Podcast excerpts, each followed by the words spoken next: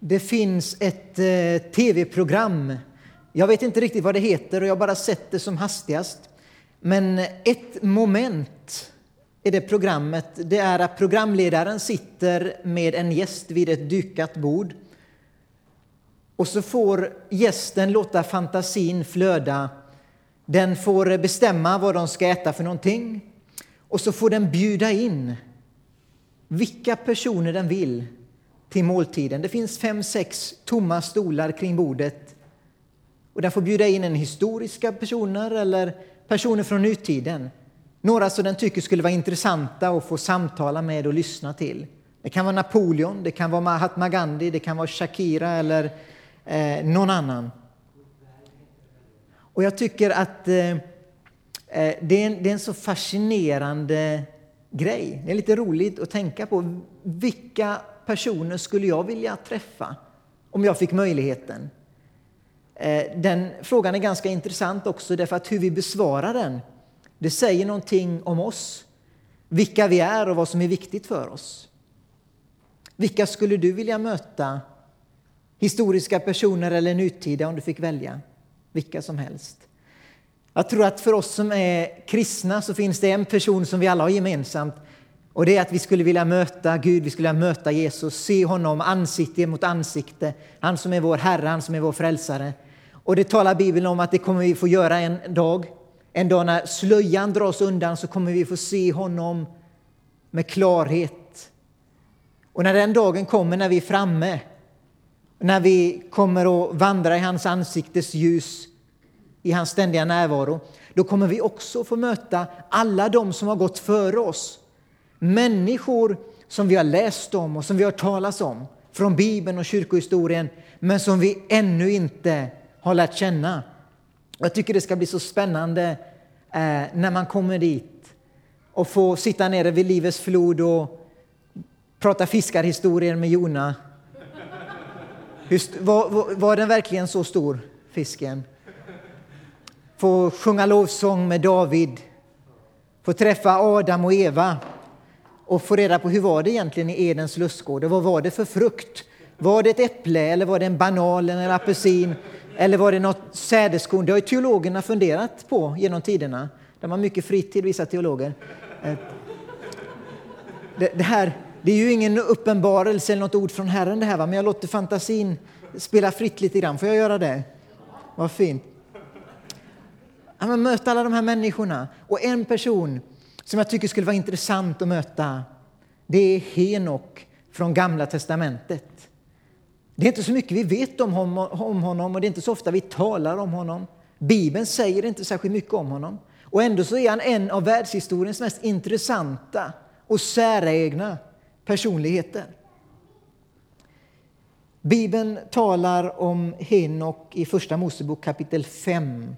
Jag tänkte vi skulle gå dit, Första Mosebok kapitel 5 och vers 18.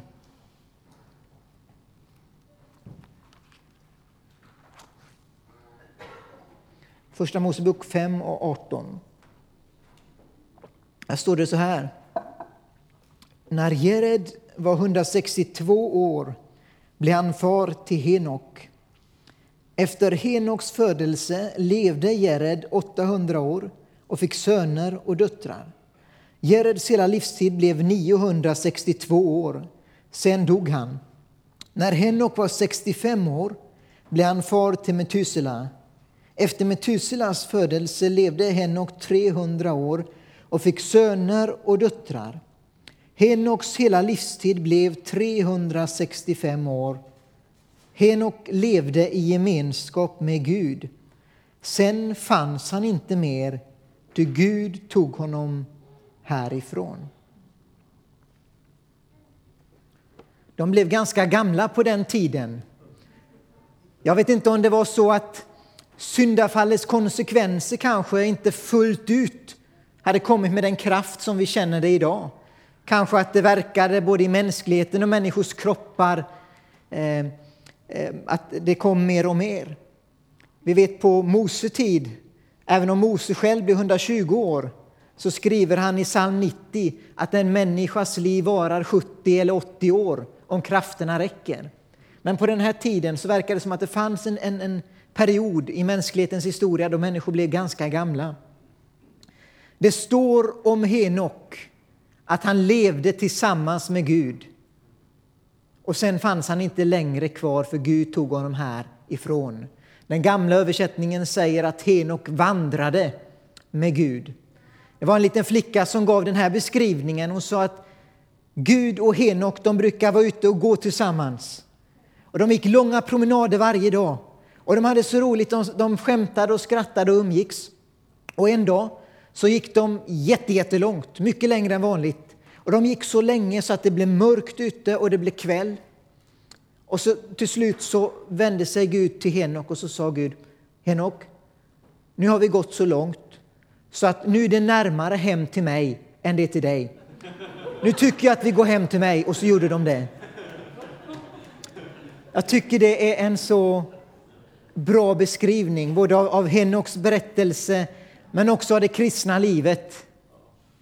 Det är en vandring med Gud fram till kvällen. Jag tror det var karmelitermunken eh, Wilfrid Stinnesen Eh, som sa vid något tillfälle att döden för en kristen det är som att gå i ett hus från ett rum till ett annat. Jesus är här och Jesus är där. Det är bara det att där är han ännu mer tydlig, ännu mer klar. Henok, han var en profet. Det förstår vi av judabrev som citerar eh, en profetia från just Henok. Vi kan läsa judabrev kapitel eh, vers 14. Judabrev vers 14. Bibeln säger om dessa människor profeterade Henok i den sjunde generationen efter Adam.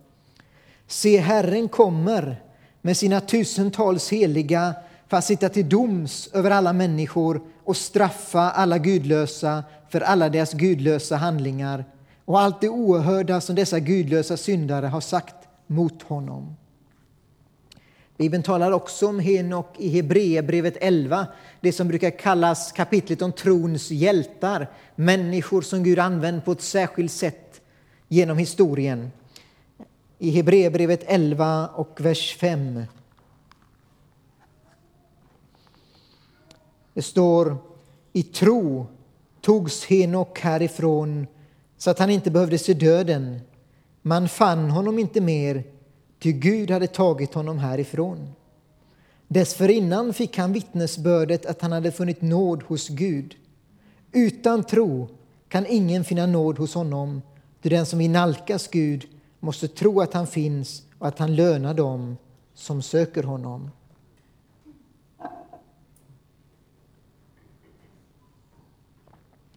I hela mänsklighetens historia så finns det bara två personer som har undflytt döden. Och det är Henok och profeten Elia som for till himlen i en eldsvagn. Och just därför att de undflydde döden så har de aldrig upphört att fascinera människor.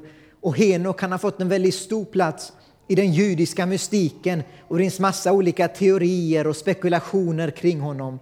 Men Bibeln säger ingenting mer om Henok än det som vi precis har läst. Han vandrade tillsammans med Gud och sen fanns han inte längre kvar till Gud tog honom härifrån. Det kan tyckas onyanserat och orättvist att sammanfatta en människas hela liv i bara en mening. Men ändå är det så att för många av oss kommer det en självransakans dag när vi summerar, sammanfattar vårt eget liv i bara ett par eller kanske bara en mening.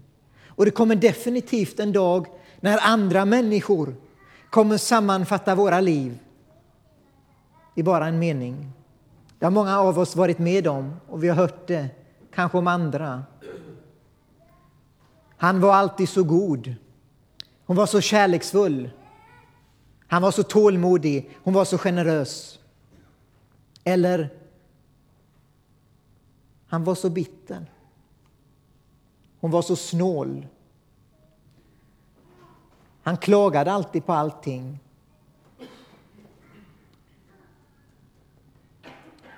Om Jesus dröjer så hoppas jag att eh, när jag någon dag sammanfattar mitt liv inför mig själv, eller när andra gör det, för mig.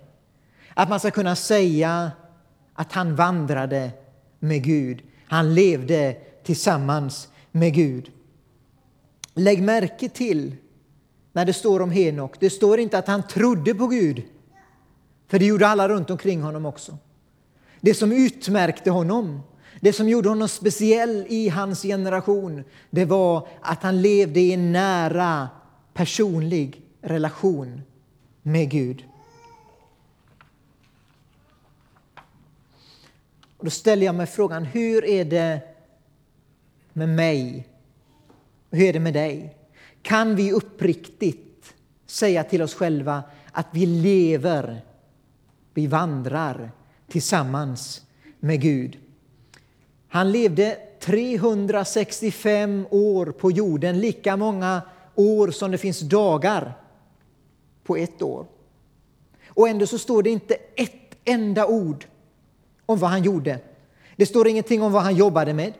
Det står ingenting om de stordåd han gjorde. Jag tänker att om man lever 365 år så måste man säkert ha kunnat eh, lyckas med att göra någonting imponerande som man kanske vill föra vidare till eftervärlden. Det står ingenting. Det står ingenting om alla verksamheter han var engagerad i. Det står ingenting om de människor som han fick vinna för Gud. Det enda som står är att han levde tillsammans med Gud. Det säger någonting om Guds prioritering här. Vad som är viktigt i Guds ögon. När Jesus vandrade på jorden så var han ofta i Betania hos sina vänner där, syskonen Marta, Maria och Lazarus. Vid ett tillfälle så berättar Bibeln i Lukas kapitel 10 när Jesus var där så skyndade Marta omkring och ställde i ordning allting och gjorde allt som hon tyckte behövde göras. Och Maria hon satte sig ner vid Jesu fötter och lyssnade till hans undervisning. Och Marta blev irriterad på sin syster. Vilken lat syster jag har. Hon vill inte hjälpa till, hon bara smiter ifrån arbetet. Och hon säger till Jesus, Jesus säg till henne. Hon bara sitter där, säg till henne att hon ska hjälpa mig. Och då, då, då, tänker man ju, va? tänker jag i alla fall, att Jesus kanske skulle ha sagt, men Maria, hjälp din syster nu. Nu får ni hjälpas åt och, och göra det som behöver göras. Och sen, men så säger han inte. Utan han säger att Marta, Marta, du bekymrar dig och oroar dig för så mycket. Men Maria, hon har varit den goda delen. Det är det enda viktiga och det ska inte tas ifrån henne. Det är klart att Gud vill och Gud kallar oss till att göra saker. Gud har kallat oss till att utbreda hans rike och han vill ge oss kraften att göra det. Men det är inget mysterium och det är ingen hemlighet vad som är viktigast för Gud. Vi kan ha svårt att ta till oss det. Men det är ingen hemlighet att det är mycket viktigare för Gud att vi spenderar tid med honom än att vi gör en massa saker för honom. Gud säger, jag har älskat dig med en evig kärlek, därför låter jag min nåd förbli över dig. Bibeln säger att Gud har kallat oss vid namn. Och Bibeln säger i Jakobs brev att alla goda gåvor kommer från Gud. Och samtidigt så måste vi erkänna till vår skam att ofta så har vi älskat gåvorna istället för gåvogivaren.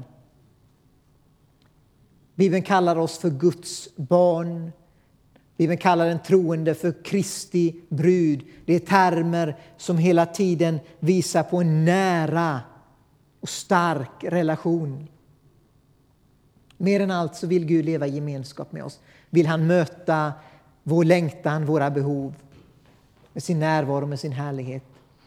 Och samtidigt så tror jag att det är så att för många av oss att om vi hade en sån relation med vår fru eller med vår man som vi har med Gud, då skulle de begära skilsmässa. Hade vi haft en sån relation med våra föräldrar eller våra barn som vi har med Gud, då skulle våra föräldrar kalla oss dåliga barn och våra barn skulle inte vilja ha med oss att göra och våra vänner skulle lämnat oss för länge sedan. Ja, men säger någon, det är kanske inte så konstigt att Henok hade en, en stark relation med Gud. Det fanns ju inte så mycket annat att göra på den tiden. De hade ju ingen iPad, inga dataspel, ingen TV. De hade ju ingenting. Och det är sant. Aldrig förr har vi haft ett sånt flöde av information som hela tiden väller emot oss så att vi knappt kan ha en enda tanke i huvudet. Och hela tiden runt omkring oss är det saker som vill ha vår uppmärksamhet, som vill ta vår tid. Det är inte så konstigt att det är svårt att ha den där vandringen med Gud. Och jag tror inte det är en tillfällighet, jag tror det är en stor utsträckning är en andlig strid och att fienden försöker att liksom avtrubba oss, få oss in i en dvala så att vi inte kommer in i det Gud har för oss.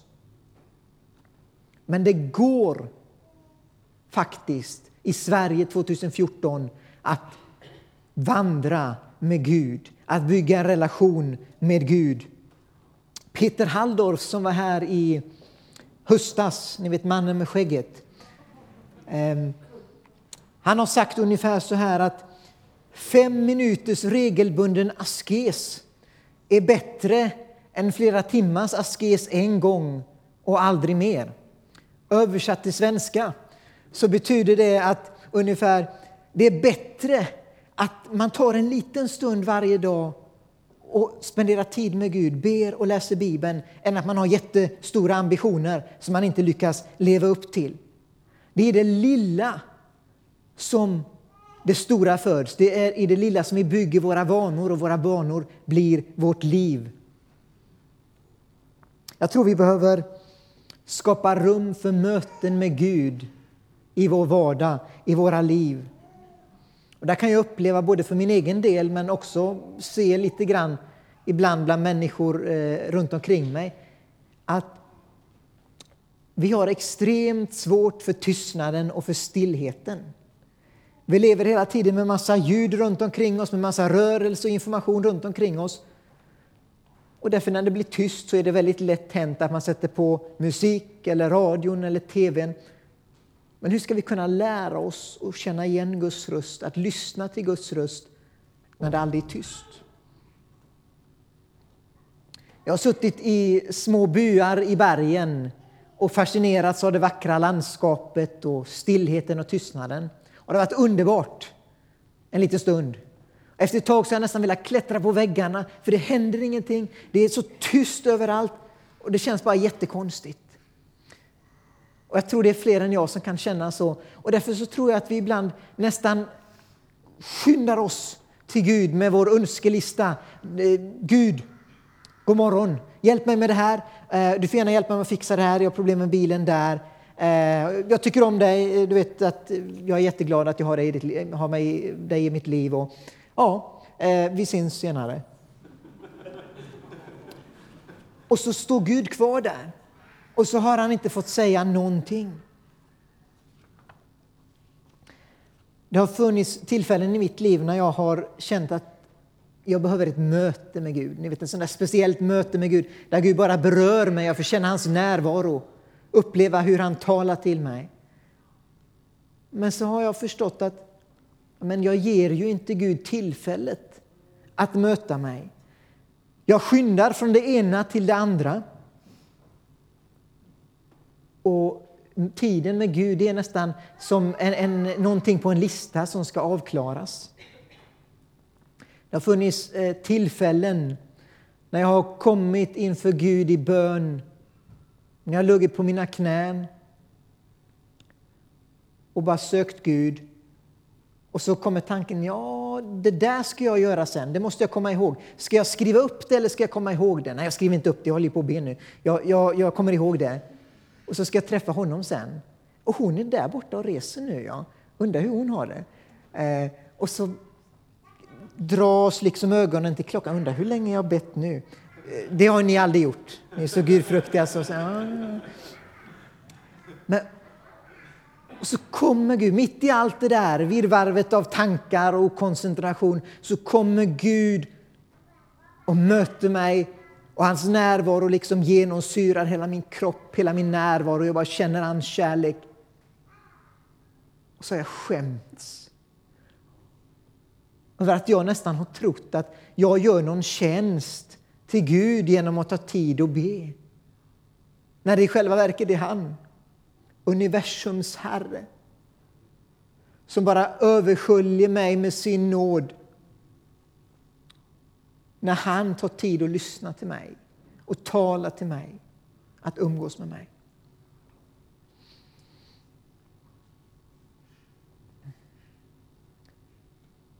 Jag tror att eh, alla människor, vare sig vi kallar oss kristna eller ej, att vi är skapade för att bli sedda av Gud och att se Gud med våra andliga ögon. Precis som spädbarnet söker sin mammas blick så tror jag att vi söker Guds blick, vare sig vi vet om det eller ej. Att vi har en längtan och en törst inom oss som bara Gud kan stilla.